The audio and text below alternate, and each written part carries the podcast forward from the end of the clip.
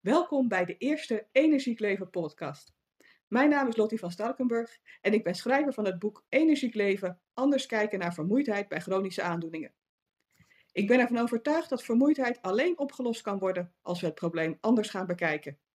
In mijn boek doe ik daar een aantal suggesties voor, maar ik wil meer. Daarom spreek ik in deze podcast over een onderwerp dat met energie te maken heeft, met een andere deskundige. Welke invalshoek hebben zij? En wat kunnen wij van hen leren om nu meer energie te krijgen? Als je energie stevig beperkt is, als gevolg van een chronische ziekte als reuma of MS, of als, als gevolg van een behandeling tegen kanker, dan geldt vaak op is op. Als je energie op is, is er geen reservebatterij. Je knalt tegen die spreekwoordelijke muur. Pijnlijk. En het kost veel energie om weer te herstellen. Een visieuze cirkel ligt op de loer. Goed omgaan met grenzen kan je dan ook veel brengen. Maar hoe doe je dat? Het lijkt zo'n simpel rekensommetje. Ontdekken hoeveel energie je hebt, daarbinnen blijven, klaar. Maar zo rationeel zijn mensen niet. En een van de dingen die ik de afgelopen twintig jaar geleerd heb, is dat een rationele aanpak logisch lijkt, maar vaak niet zo effectief is. Daarom verkennen we vandaag een andere aanpak. Ik spreek vandaag over omgaan met grenzen met Wieke de Klerk, kunstzinnig therapeut en gespecialiseerd in de begeleiding van vrouwen die borstkanker hebben of hebben gehad. Welkom Wieke. Dankjewel Lottie. Heel fijn dat je hier tijd en energie in wil stoppen. Het is jouw en mijn eerste podcast, dus het is alle twee een beetje spannend en onwennig. Zeker. uh, zou je je om te beginnen nog even iets uitgebreider voor willen stellen?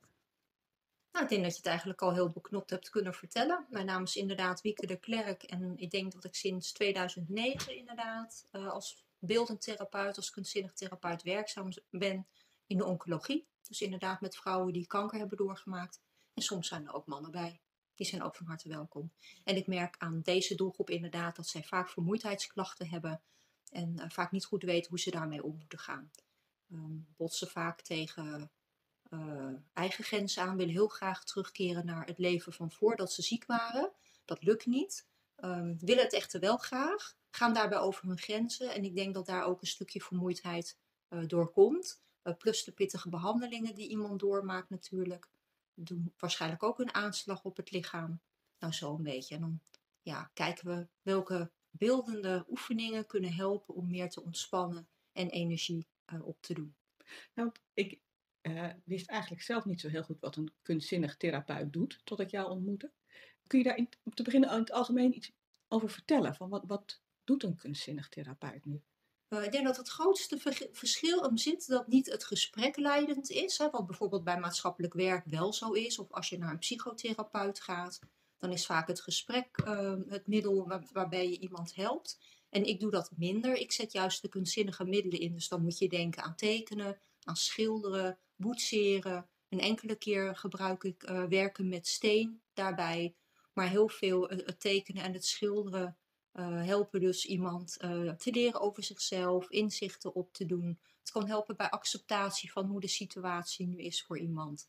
En daaruit kunnen we dan weer stappen destilleren voor de toekomst. Dus het, het kunstzinnig werken is leidend en daar hebben we dan een gesprek over. Dus we kijken dan naar het werk wat gemaakt is en uh, daar stel ik een aantal vragen over. Onder meer van, goh, hoe was het om te doen? Heb je er iets aan ontdekt en aan beleefd? En wat was dat dan? Daar kan ik ook doorvragen. En zo komen er dingen aan het licht die voorheen nog niet bewust waren bij iemand. En daar kunnen we dan mee verder.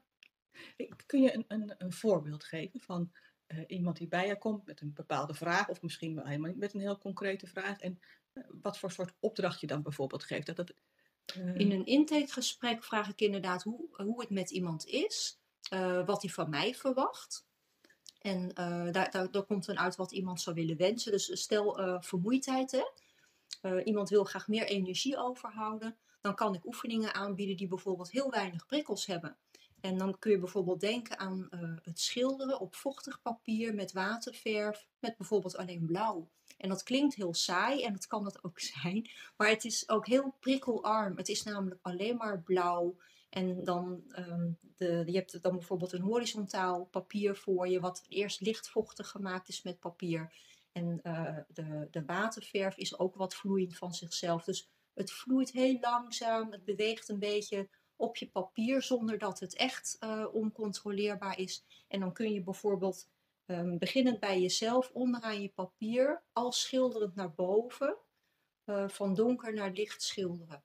Um, en die overgang redelijk naadloos maken. Dus het gaat geleidelijk aan van donkerblauw naar lichtblauw. En dat rustgevende effect van de kleur, maar ook het rustig, heel rustig met de penseel van links naar rechts over je papier, dat kan rust geven. En omdat er verder niets ontstaat op je papier aan een bepaalde afbeelding, geeft dat ook rust. En je kijkt als het ware naar een blauw vlak, wat langzaam verkleurt van donkerblauw naar lichtblauw. Heel geleidelijk. Dat, dat geeft rust omdat het prikkelarm is. Er gebeurt verder niets op je papier. En dat, daar kan iemand aan ontspannen. Als ik het beeld me voorstel, dan merk ik inderdaad dat ik al, al rustig word daarbij. Oh, ja. grappig. Dus door het je voor te stellen, werkt het eigenlijk al. Bij mij in ieder geval wel. Oh, ja. Fantastisch. Ja, ja. ja. Ik vind het ook heel mooi als je zo'n voorbeeld geeft dat het dus iets heel anders is dan. Uh, dat sommige mensen die hebben schilderen als hobby. Ja. Uh, dit is, maar dat is iets heel anders. Ja, dat is absoluut iets anders. Want als je schilderen als hobby hebt, dan ben je meer met de techniek bezig en met wat het gaat worden. Hè, of je nu iets naschildert of wat je uit je gedachten schildert. Of je bent bijvoorbeeld buiten en je wil een bepaald landschap bijvoorbeeld uh, naschilderen. Dan, dan ben je met iets heel anders bezig. En dat kan even goed fijn zijn en ontspannend, absoluut. Maar het is, het is iets anders. Het therapeutisch schilderen is eigenlijk bedoeld om um, niet met het eindresultaat bezig te zijn, maar juist met het proces juist ook met het verzorgen van je papier. Hè? Want als cliënt maak je dat ook zelf helemaal vochtig aan één kant van het papier.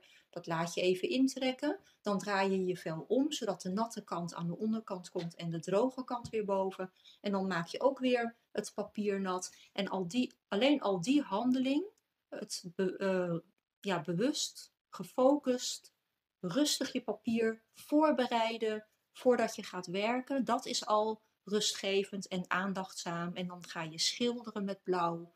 Ehm, dan begin je dus ook links en je, je strijkt heel rustig, eventueel in een lichte golvende beweging naar rechts. En dat blijf je herhalen van donker onderaan naar licht bovenaan. En dat in een heel rustig tempo.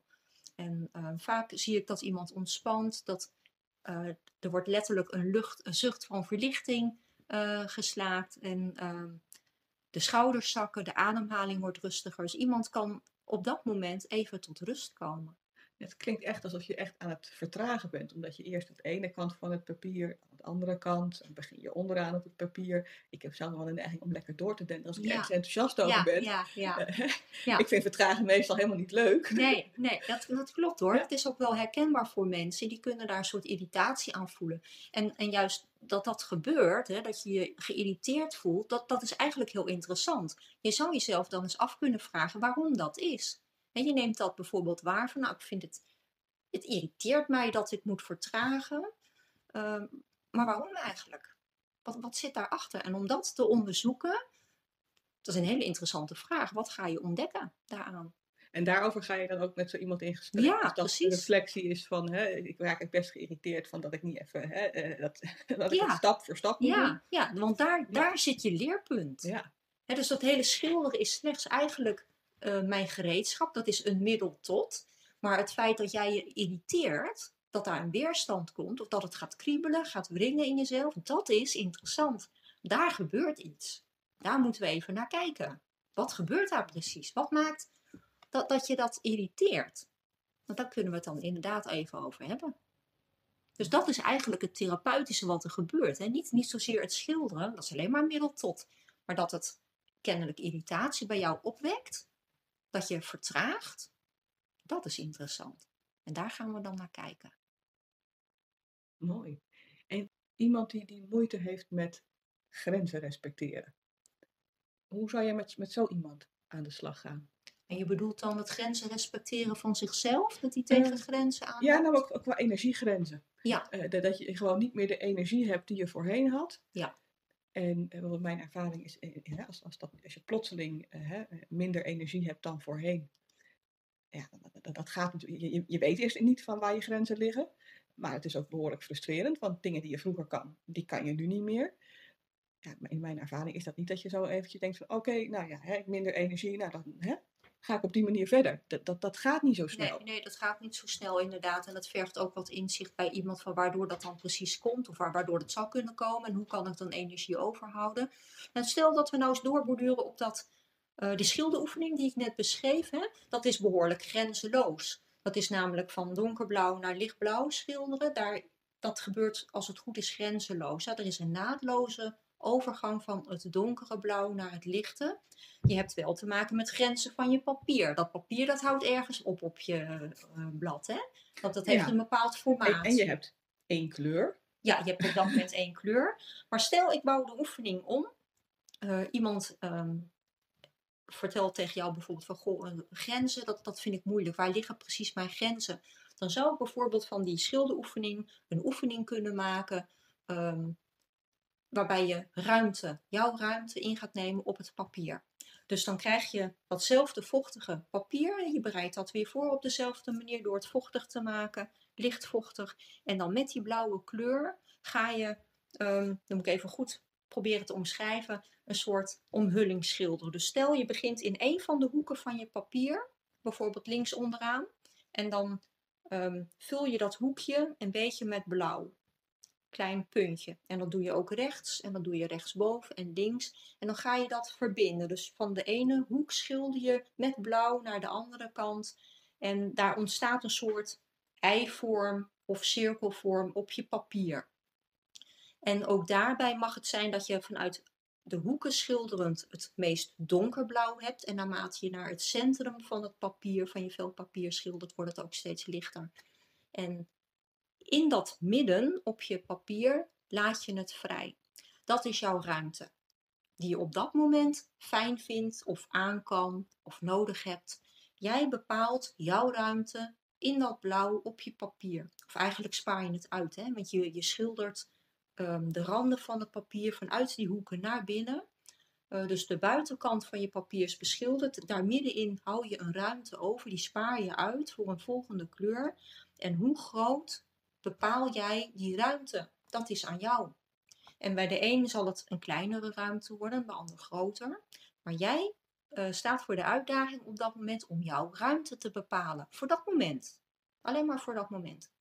En als je dat een beetje gevoeld hebt, afgetast hebt, hè, je bent eigenlijk zoekende met je penseel naar hoe dat voor jou voelt.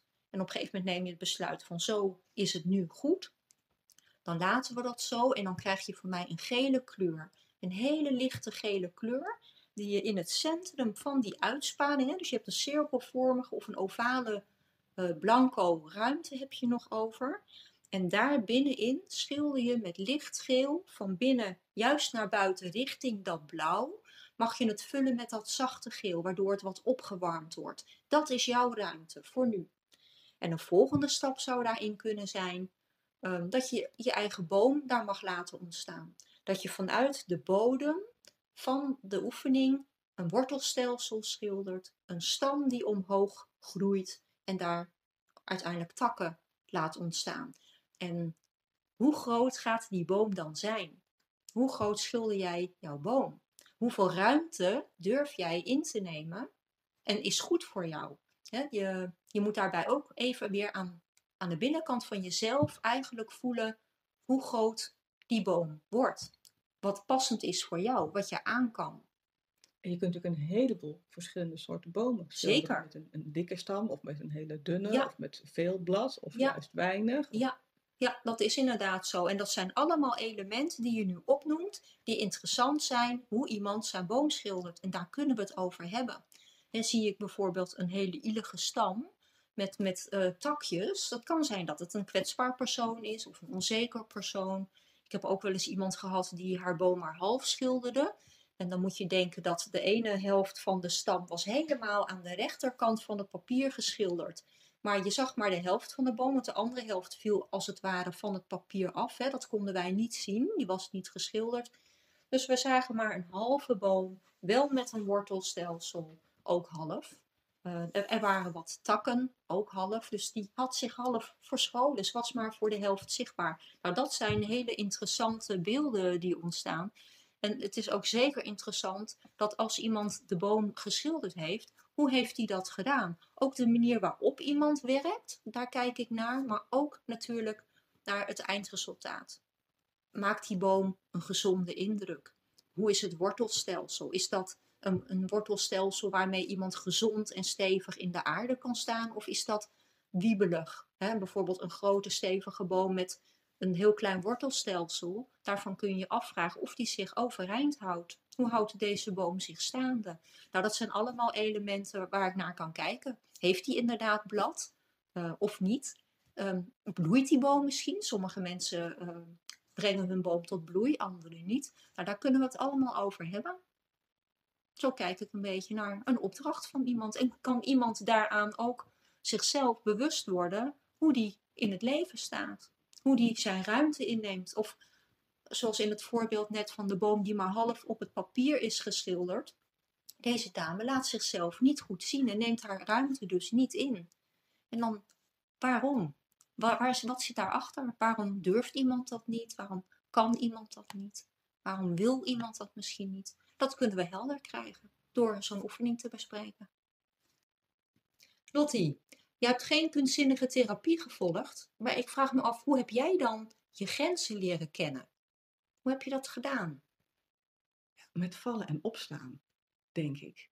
en bij mij, ik ben natuurlijk een aantal keer ziek geweest. En, en dus ook een aantal keer weer opgeknapt. En dan zijn er voor een deel weer nieuwe grenzen om te ontdekken. Voor een deel soms ook nieuwe mogelijkheden. Omdat er als er iets opduikt wat uh, jaren heeft bestaan, maar dan kun je er vervolgens iets aan doen, dan heb je opeens weer meer mogelijkheden. moet je ook weer je grenzen ontdekken. Ik, ik denk wel, de, ehm, wel waar het meeste leren heeft gezeten is, uh, ik ben heel ziek geweest toen ik begin twintig was.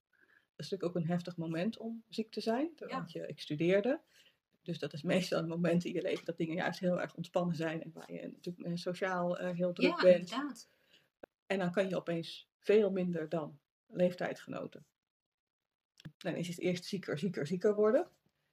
En dan, ga, dan ben je niet bezig met wat zijn mijn grenzen, dan ben je bezig met wat is er in vredesnaam met mij aan de hand. Mm, ja, is je dat duidelijk geworden ook überhaupt? Wat, ja, wat, wat, was er aan de hand met jou? Ik bleek uiteindelijk toen een schildklierziekte te hebben.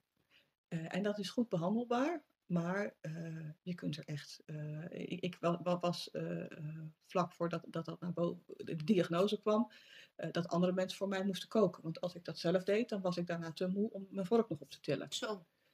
Dus dan, dan kom je van heel ver. En dan merk je ook dat het beter gaat. Dus dan hè, ga je weer meer doen. Mijn conditie was natuurlijk helemaal weg. Ja, snap ik. Uh, en los van de vraag van wat kun je wel of niet met medicijnen oplossen, zo'n slechte conditie moet ook gewoon opgelost worden. Ik had een paar jaar daarvoor door een val van een fiets een ernstige hersenschudding gehad. ik kon in het begin niet toen van de bank naar het toilet lopen zonder duizelig te worden. Wow. Dan mankeer je niks aan je spieren. Maar je conditie is ook weg tegen de tijd ja. dat je weer een beetje normaal kan lopen en fietsen. Dus ik wist wel van, oké, dit moet ik opbouwen. En in eerste instantie gaat het dan eigenlijk daarover, hè, over conditie weer opbouwen en eigenlijk weer je mogelijkheden uitbreiden. En onderzoeken wat mogelijk is op dat moment. Ja. ja. En dan duurt het nog even wat langer voordat je merkt van, dit krijg ik niet meer weggetraind kennelijk zit hier iets wat uh, nou, misschien niet direct blijvend is, maar waar we nog naar de medicatie moeten kijken, uh, waar je aan het zoeken bent van kan er meer. Dus dan duurt het nog even wat langer voordat me duidelijk werd van uh, dit gaat blijkbaar echt niet meer. Dit is niet oplosbaar met medicijnen. Dus je komt dan eigenlijk tot de ontdekking dat je niet meer terug zal komen op het niveau wat je daarvoor ja, had. Ja, maar dan ben je eigenlijk dus al anderhalf, twee jaar verder nadat je, hè, die diagnose is gesteld. Want, want dit zijn medicijnen, het is niet een paracetamolletje, je slikt en een half uur later is je hoofdpijn weg. Dit zijn medicijnen die langzaam opgebouwd moeten worden. Die, nou, ook, ook, ook die, die, uh, iemand heeft dan ook uh, gezegd van, kijk, als je in een gebied woont waar hongersnood is, dan kun je zo plop weer genoeg eten krijgen. Maar dan voel je de dag daarna ook nog niet goed. Nee. nee en, en dat is hier ook mee. Ja. Uh, je hebt tijd nodig om dat lijf te herstellen. Dus en, en in die periode is het vaak naar mij makkelijker om een beetje geduld met jezelf te hebben. Want ja, je bent heel ziek geweest, je bent aan het herstellen. Je kunt deze week weer een beetje meer dan vorige week. En zolang die trend goed is, vind ik het makkelijker. Ook al kan ik nog heel weinig, maar het- Mhm. het, het geeft een soort hoop en moed. Ja, als je, als je vooruitgang ziet, zeg Als je maar. vooruitgang een, ziet. groei- een groeiproces kan waarnemen. Ja. Dat het steeds een beetje beter gaat richting eigenlijk van wat je gekend hebt voordat Ja, je ziek Ja, dat geeft natuurlijk hoop. Ja. Eh, en ja, weet je, zo nuchter moet je dan ook wel zijn. Je, als je je been hebt gebroken, zes weken gips, verwacht je ook niet de dag daarna als dat gips eraf is de marathon te lopen.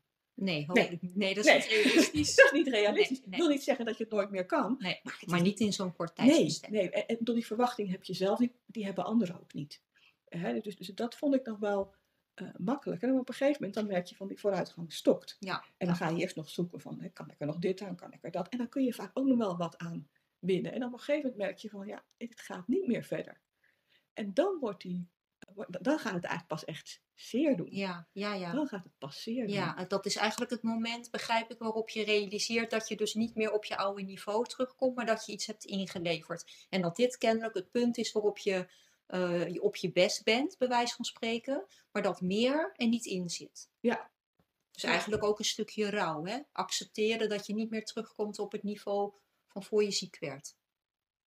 Ja, en, en tegelijkertijd weet ik niet of ik daar nou echt om gerouwd heb. Ik- Een voorbeeld van, hè, toen ik nog in dat proces van herstel zit- zat, en ik kon inmiddels weer een half uurtje eh, wandelen of zo. Wij mochten als studenten op kosten van de universiteit naar de jaarlijkse astronomenconferentie. En dat vonden wij natuurlijk heel leuk, want het was drie dagen verblijf in een conferentieoord. Hè, er werd voor je gekookt en hè, dus, dus eh, eh, wij daar Mooie ervaring. mooie ervaring. En dat jaar was het ontzettend lekker weer. En dat, dat conferentieoord zat naast een of ander stromend riviertje. En daar hing zo'n bordje dat er ook eh kanoverhuur was. Ja, en dan de hele dag binnen zitten als buiten de 25 graden is. En daar hadden wij natuurlijk niet zo'n trek in. Dus wij hadden bedacht, wij willen wel kanoën. Maar ja, stromend riviertje. Je moest eerst stroomafwaarts, want verderop was een kleine waterval. Dus je kon niet eerst stroomopwaarts en je dan terug laten zakken. En mijn studievrienden, dat waren allemaal jongens, hartstikke fit, begin twintig. Ja, het, het verschil was natuurlijk enorm. Ja, begrijp ik. Maar ja, kanoën is wel leuk. Hè? Ja, het is heel aantrekkelijk. Dus dit is dat als een soort, hè, van hoe kan het wel? En toen heb ik gevraagd van, weet je, hebben ze ook tweepersoonskano's? En die bleken ze te hebben. En toen heb ik de vervolgvraag gesteld, wil een van jullie met mij in een tweepersoonskano? Want hè, eh, en ze wisten natuurlijk dat ik eh, hè, nou ja, ziek was geweest, dat hadden ze gezien. Dus een van die jongens met mij in de tweepersoonskano. En nou, ik geloof, hè, ik, ik heb ook totaal geen talent voor kano. Ik, ik krijg dat ritme niet onder de knie. Dus het was al gauw van, kun je gewoon je pedal vasthouden en niks doen. Maar ik, heb wel, ik ben wel mee geweest. Eh, ik heb sociaal meegedaan. Ik heb op het water gezeten. Ik heb de zon op mijn huid gehad.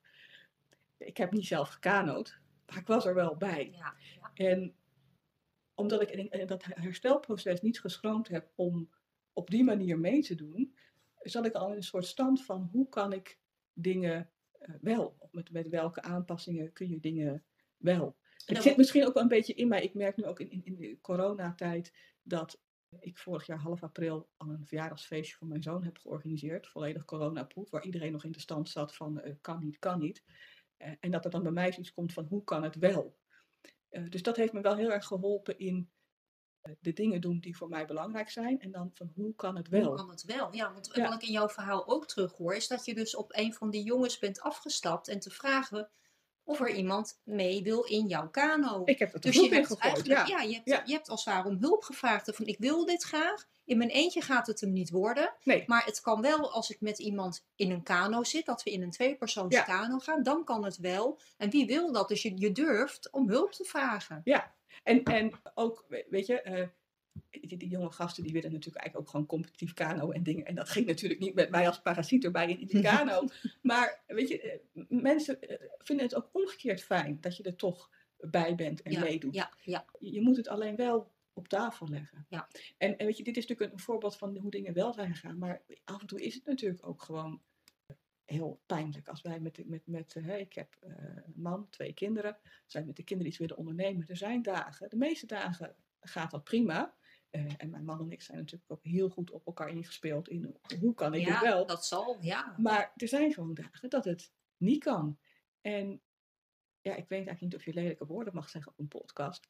Maar Ga je gang. soms is het gewoon kut. Is er gewoon geen ander woord voor dan, dan dat. Blijft pijnlijk. Dat is het ook na twintig jaar. Ja, kan ik me voorstellen Ja. hoor. Ja. Nou, omdat je ook gewoon iedere keer iets anders mist. Hè. Eh, Toen mis je misschien een, een feestje met je vrienden en nu mis ik eh, dingen met, met kinderen. En voor, voor mijn kinderen ga ik soms ook, ook dwars over mijn grenzen heen. ja. Ik, de dag dat mijn dochter terugkwam van groep 8 kamp, had ik al geen goede dag. En had ik 's ochtends een, een energievretende klus. En nou, dan gooi ik. eh, ik had eigenlijk de middag ook de zorg voor onze jongste. Nou, die had ik dus al naar mijn man toegeschoven. Van oké, dit gaat niet. Was al in bed gaan liggen. Ik heb ook geslapen die middag. Maar als je dan om, om zeven uur s'avonds op dat schoolplein staat, dan weet ik, ja, dit gaat morgen echt helemaal. Ja. Ik ga nu over mijn grenzen heen, Ja, maar op ja. dat moment wil ik er gewoon per se staan. Je gaat maar één keer op groep 8 kamp Ja. en dan word je opgehaald door je beide ouders. En Dus dan maak je eigenlijk een bewuste keuze van nu ga ik over mijn grenzen heen. Want ik gun en mijzelf die ervaring, maar ook mijn kind. Hè, dat is maar een eenmalig iets. En de dag daarna, dan zie ik het wel. Hoe ik die Ja, want ik- Ja, want ik heb wel, eh, eh, af en toe doe ik dat bewust, maar ik Ja. weet ook, als ik over mijn grenzen heen ga, dan komt altijd een rekening. Ja. En als ik dat drie keer per week doe, dan kom ik in een negatieve spiraal Ja. van minder en minder energie. Dus dat, dat is een soort de verstandelijke kant. Ja. Dus gemerkt heb van af en toe hè, doe ik dus dingen die ik eigenlijk niet kan. Eh, daar krijg ik een rekening voor. Doe ik dat te vaak, dan kan ik steeds minder. Kom je in het rood te staan als Kom je in het rood. Ja. Dus eh, eh, dat, dat heeft ook wel gestimuleerd om dus, nou ja, te kijken hoe kan ik dingen binnen mijn grenzen. Of Ja. wat moet ik dan misschien niet doen of anders doen. Maar soms doe ik het ook expres wel gewoon omdat ik het zo belangrijk vind om dat te doen. Ja, precies. Dat, dat je dan de, de minrekening of de rekening die je gepresenteerd krijgt voor lief neemt. Ja, want dan, als ik dan de ochtend daarna beneden kom, dan kan ik niet een boterham smeren en nog een, een vraag beantwoorden. Nee. Dan eh, eh, moet ik eerst dit- ontbijt maken en dan aan tafel mogen ze me iets vragen. Ja, precies. En, en daar ben ik dan ook dan weer heel strak in naar mijn kinderen. Van ik kan nu geen twee dingen tegelijk. Ik maak nu eerst boterhammen. En als we zitten, mag je me iets vragen of Nou, iets vertellen. Dat lijkt me mooi duidelijk uitgelegd in hoe het op dat moment is voor jou. Ja, is niet altijd leuk voor mijn kinderen. nee, dat snap ik. Want, want die, die moeten dan wachten, terwijl ze eigenlijk eh, van alles willen en vertellen en Dat doen. hoort bij kinderen, ja. Ja, Ja. dat vind ik ook naar, naar de kinderen toe best wel ingewikkeld.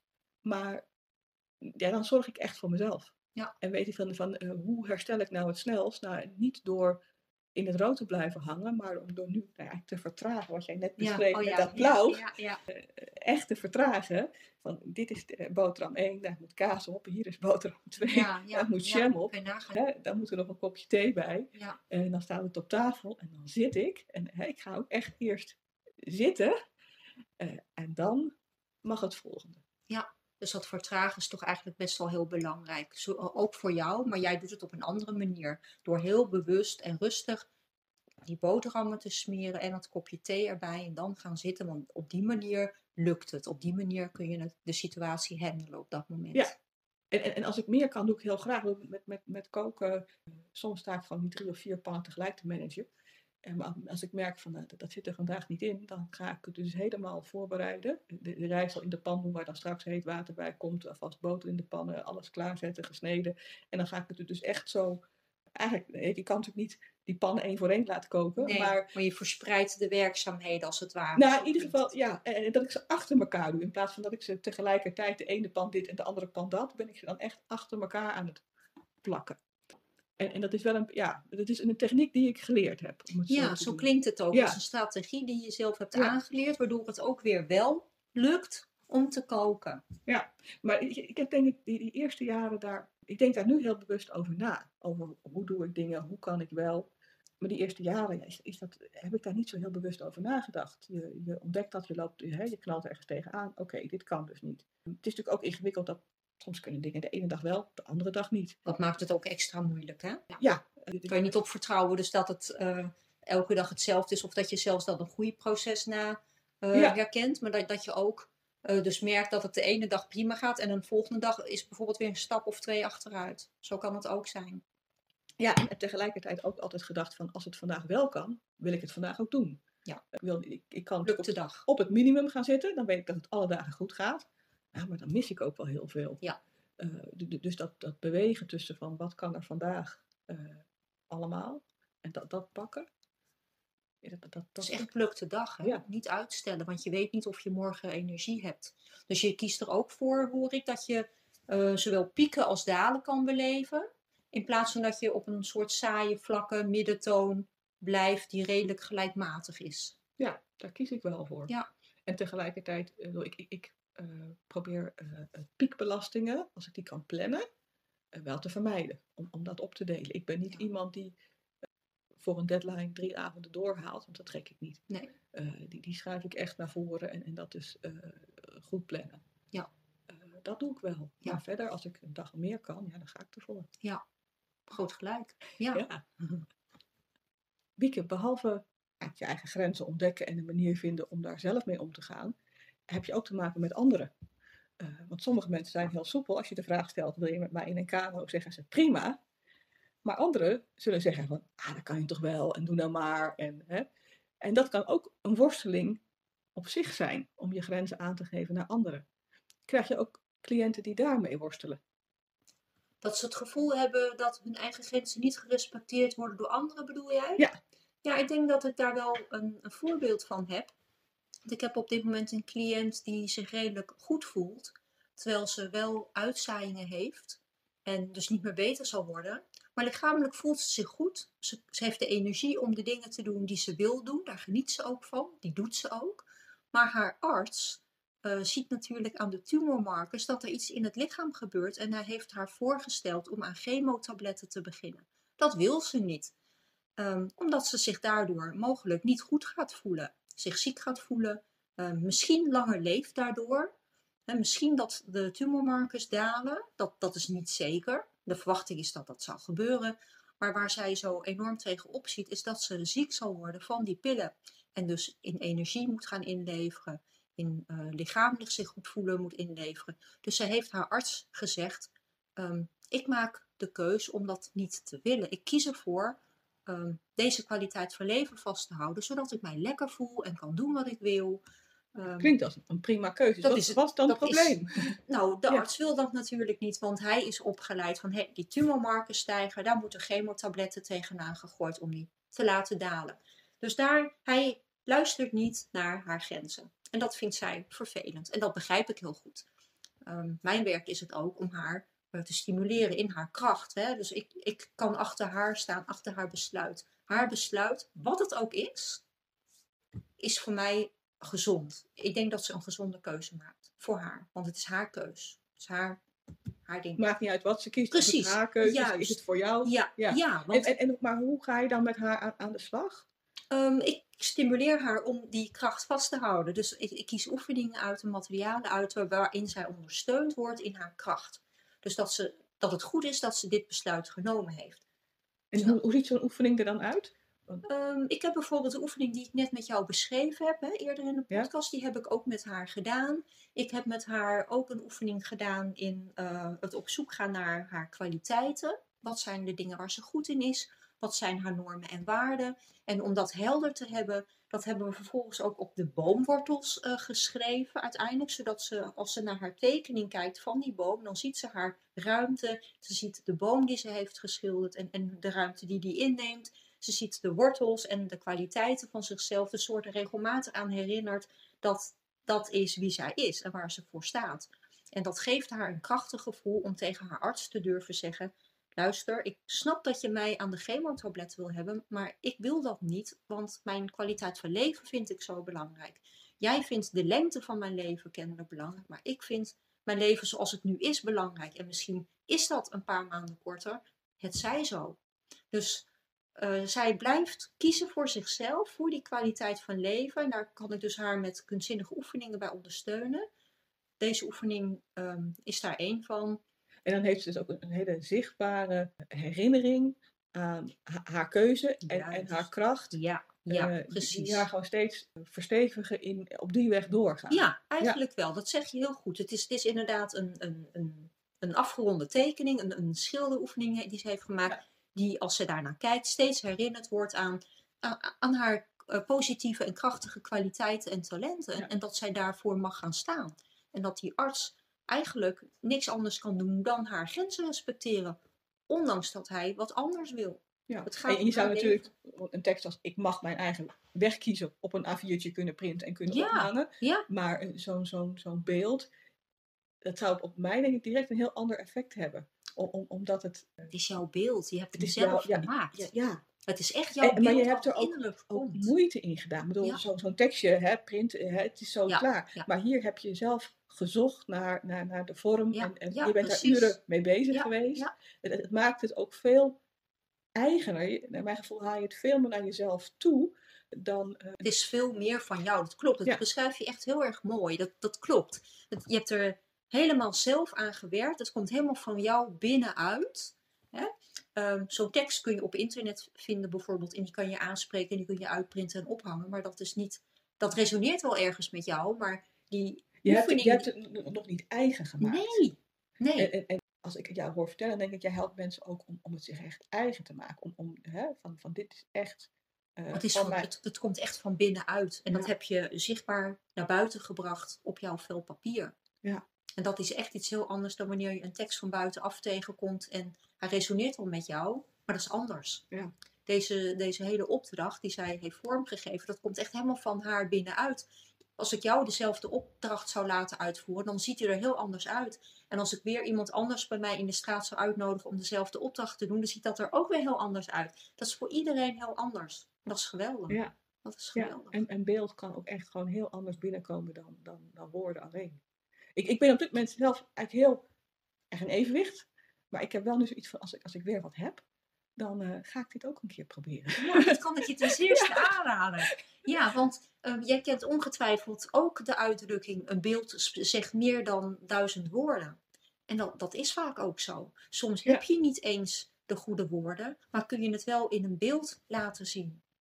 Dat vraag ik ook wel eens aan mensen. Als je niet kan vertellen, dan kun je het misschien tekenen. En soms lukt dat. Leuk. Ja, Ja. Ik kan het je aanraden. Doe het maar eens als je ergens mee zit. Ja. Ik, ik ga dit zeker ook gewoon zelf in mijn achterhoofd houden. Ik, ik heb eerder, wat ik aan het begin zei, ontdekt van het, het werkt niet altijd zo rationeel. En, en ik heb eh, daar eerder mee, met andere dingen, hè, niet met kunstzinnige therapie, maar wel op andere manieren, eh, enorme vooruitgang geboekt om dingen duidelijk te krijgen, maar ook om hè, dingen van me af te krijgen. En, en dit is ook gewoon. eh In mijn beeld bij, bij creatief bezig zijn, altijd van je, dat is leuk en het is met kleuren en dit is mooi. Maar ik, ik had hem nooit gezien als iets wat je zo concreet kan toepassen om aan iets heel anders te werken. Ja, het En dat vind ik echt een hele toffe ontdekking. Ja, oh Ja. super. Dat is Ja. leuk om te horen. Maar het, Ja. het is er allebei, hè? Ja, Het is, het is inderdaad ook leuk en ontspannend en heel plezierig. ja, En eh, je kan ongetwijfeld heel erg trots zijn dan op wat je gemaakt hebt. En dat doet ook al goed, hè? Dat zou ook een therapeutisch effect kunnen zijn. Maar je kan het ook heel bewust inzetten voor, bij mensen die met een bepaald vraagstuk worstelen, met een, met een levensevent, met iets groots wat is gebeurd en wat moeilijk is om te handelen.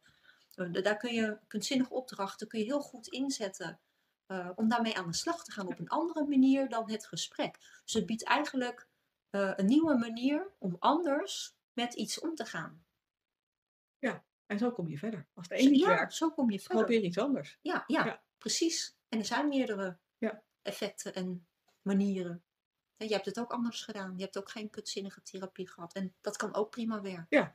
Maar ik heb ook niet één ding geprobeerd. Ik heb Nee, ook de loop jaren, hè, Ja. afhankelijk van situaties, Ja. eh, eh, andere dingen gedaan. Hey Lottie, ik ben Ja. benieuwd naar hoe jij dat ervaren hebt. Hoe mensen jouw grenzen al dan niet respecteren. Dat heb jij ongetwijfeld ook meegemaakt. Dat je je grens hebt aangegeven en dat een ander daar toch overheen probeert te kruipen. Ja, en, en, en dat geeft natuurlijk soms frictie, soms een goed gesprek. Eh, een van de dingen die, die ik het lastigst heb gevonden is, is mijn eigen dochter. Oké, Want die, weet je, als je, als je natuurlijk een, het ging hem heel simpel om samen ergens naartoe op de fiets.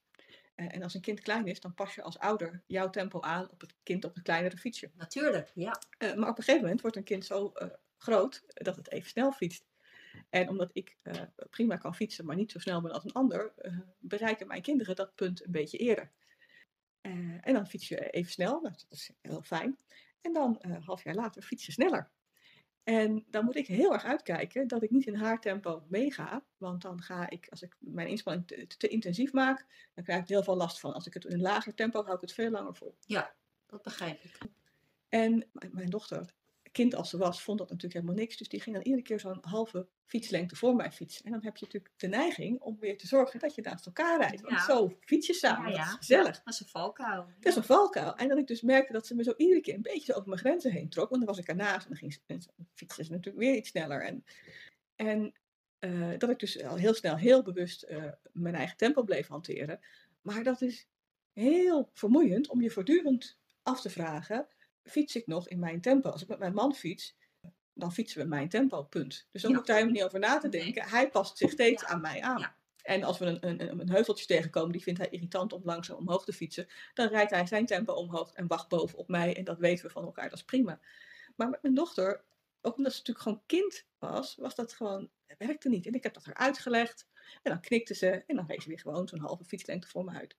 Dus dat zorgde voor heel veel irritatie. En, eh, maar ook dat dacht, ik moet echt voor die grenzen eh, blijven staan. En ik heb er ook begin om eruit te leggen. Hè, van als ik voortdurend moet, moet letten van, hè, dat ik niet te snel fiets, da- dan is dat ook weer heel vermoeiend. Dus, dus als je gewoon naast me blijft rijden, dan kan ik uiteindelijk meer. Nou, dat ging er natuurlijk niet in. Tot ze een klasgenootje kreeg, die een of andere lichamelijke beperking had. En ze dus zag gebeuren hoe niet alleen haar klasgenoten daar geen oog voor hadden, maar ook de juf niet. Eh, en hoe dat meisje dus over haar grenzen werd geduwd. En wat dat met dat kind deed. En dat had ik natuurlijk nooit aan haar laten zien. eh, want ik ben zo getraind in grenzen bewaken, dus dat laat niet gebeuren. En dat toen eigenlijk bij haar het kwartje viel van oké, dus dit gebeurt er als iemand over zijn grenzen wordt geduwd. En dat het toen weg was. Eh, Dat ik dan wel eens moest zeggen, moet even wat rustiger. Maar, maar dat, dat ze het in ieder geval probeerde. En in haar kind zijn natuurlijk af en toe natuurlijk nog daartegen aanschuurde. Ja, ja. Maar er was echt een soort omslag bij haar. ja, dat ze opeens leek te begrijpen wat het voor jou is als zij Ja. eigenlijk vooruit fietst. En dat jij eigenlijk in een dilemma komt van wat, wat doe ik nu? Ik moet niet in die valkuil stappen dat ik haar tempo ga aannemen. Ik moet zorgen dat ik mijn eigen Ja. tempo vasthoud, want dan hou ik het langer vol en dan kom ik ook nog met energie ergens aan. Ja, ja. En, maar ook is het dat ik dus, omdat ik nooit liet zien wat er gebeurde als ik eh, wel over mijn grenzen heen ging, Ja. want hè, dat liet ik dus niet gebeuren, dat, dat het voor haar ook gewoon niet was duidelijk werd. Ja. En, en dat toen ze dus bij een ander zag gebeuren, eh, dat er toen een soort acceptatie ook, ook kwam. En, en dan is het nog zoeken van hoe doe je dat. En, en nu, we hebben sinds een, een klein jaar hebben we een elektrische fiets. Ze zit in Utrecht op school, dus dan kan ze eh, zo naar school. Eh, maar ik gebruik die ook. En nu doen we het soms, als ik met haar ergens naartoe ga, dan fiets ik elektrisch. En dan mag zij het tempo geven. En de eerste keer vond ze dat heel onwennig, want eh, normaal kijk ik altijd naar jou. Nee, ik, ik schakel wel meer of minder ondersteuning bij, dus, dus Ja, rij je maar. Ja, Eh, ja. dus nu hebben we eigenlijk een nieuwe manier gevonden om samen te fietsen. Heerlijk. eh, Waar zij dus af en toe lekker los kan. En ik gewoon en het motortje aanzet. En op Fantastisch. andere momenten, want weet je, hè, gewoon fietsen is voor mij natuurlijk ook gezond. Nou, en, en dan moet het dus in mijn tempo. En, en juist omdat we ja, door die elektrische fiets weer een beetje in evenwicht kunnen trekken, wordt het ook weer makkelijker. En leuk. Ja, en dat is natuurlijk ook een, een, een belangrijke om op enige manier in al die relaties een, een evenwicht. Ja, een balans te vinden. Ja, Ja. zeker. Ja. Ja. Mooi dat het op deze manier lukt. Ja, is heerlijk. Ik kan me voorstellen. Fantastisch. Wieke, ik heb een laatste vraag. Als mensen nu denken, kunstzinnige therapie, dat is misschien wel wat voor mij. Waar kunnen ze dan meer informatie vinden? Ik denk dat ze dan het meeste hebben aan eh, de website van de beroepsvereniging. Daar staat eh, uitgelegd wat het precies is en hoe je een therapeut bij jou in de buurt kunt vinden. En dat is www.kunstzinnigetherapie.nl. Daar kan je heel makkelijk op zoek gaan. Ook wordt daar verteld dat er mogelijkheden voor vergoeding zijn als je aanvullend verzekerd bent. En als iemand geïnteresseerd is om echt daadwerkelijk met mij aan de slag te gaan, omdat hij bijvoorbeeld kanker heeft doorgemaakt, dan zouden ze ook nog een kijkje kunnen nemen op www.loduur.nl. En ehm, een vrijblijvend gesprek behoort altijd tot de mogelijkheden. Dat kost verder niks. Ik kan over mijn vak vertellen en onderzoeken met de ander wat ik voor die ander kan betekenen eventueel. Dat is sowieso mogelijk. Maar ik denk dat een kijkje op de website van de beroepsvereniging ook heel fijn is om meer een globaal idee te krijgen over wat kunstzinnige therapie inhoudt. Prima. En dan moet je even erbij vertellen dat jij in Montfort zit, dus in de buurt van eh, Utrecht. Ja, dat Ja. klopt. Ik eh, ben werkzaam in Montfort. Dat ligt eh, tussen Gouda en Utrecht in, vlakbij Woerden, redelijk centraal. Dat is waar je mij vindt. Dankjewel, Wieke. Ik vond het een inspirerend gesprek en ik hoop de luisteraars ook. Wil je meer informatie over kunstzinnige therapie of over Wieke? En heb je zo snel de URL niet kunnen opschrijven? Of wil je meer informatie over mijn boek Energiek Leven? Ga dan naar lottievanstarkenburg.nl slash energiek leven.